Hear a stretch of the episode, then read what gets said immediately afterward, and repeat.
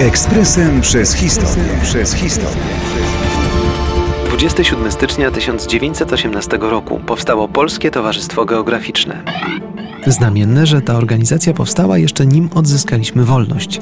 U progu roku 18 to, że nam się uda wskrzesić ojczyznę, wcale nie było takie pewne. Na tym większy szacunek zasługują tego rodzaju inicjatywy. Nie zapominajmy, że wciąż trwała I wojna światowa i pomysł, by powoływać w tak trudnych warunkach Towarzystwo Geograficzne był pięknym świadectwem pędu człowieka do wiedzy nawet w najtrudniejszych warunkach.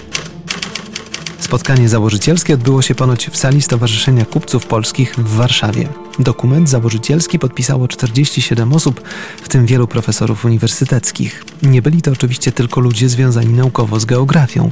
Sfera zainteresowań była bardzo szeroka. Przygotowano nawet specjalną odezwę, którą kolportowano w celach reklamowych. Warto obszerniej zacytować ten ponad stuletni dokument, by lepiej zrozumieć, jakie cele przyświecały tamtym ludziom.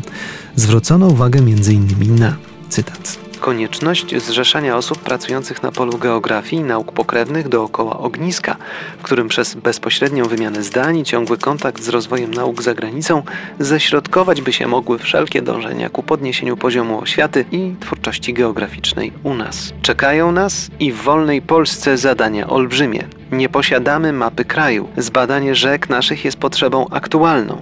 Od jego wyników zależy wyzyskanie zaniedbywanych dotąd dróg wodnych. Zagadnienia z zakresu etnografii, statystyki, geografii ekonomicznej i wojskowej wymagają w interesie kraju natychmiastowego wyświetlenia. Nauka polska nie może ograniczać się tylko do kraju własnego, musi stać na poziomie światowym. Wyraźnie przebija z tego dokumentu ton patriotyczny. Jak bardzo przydatna okazała się praca założycieli towarzystwa w kolejnych latach wiemy.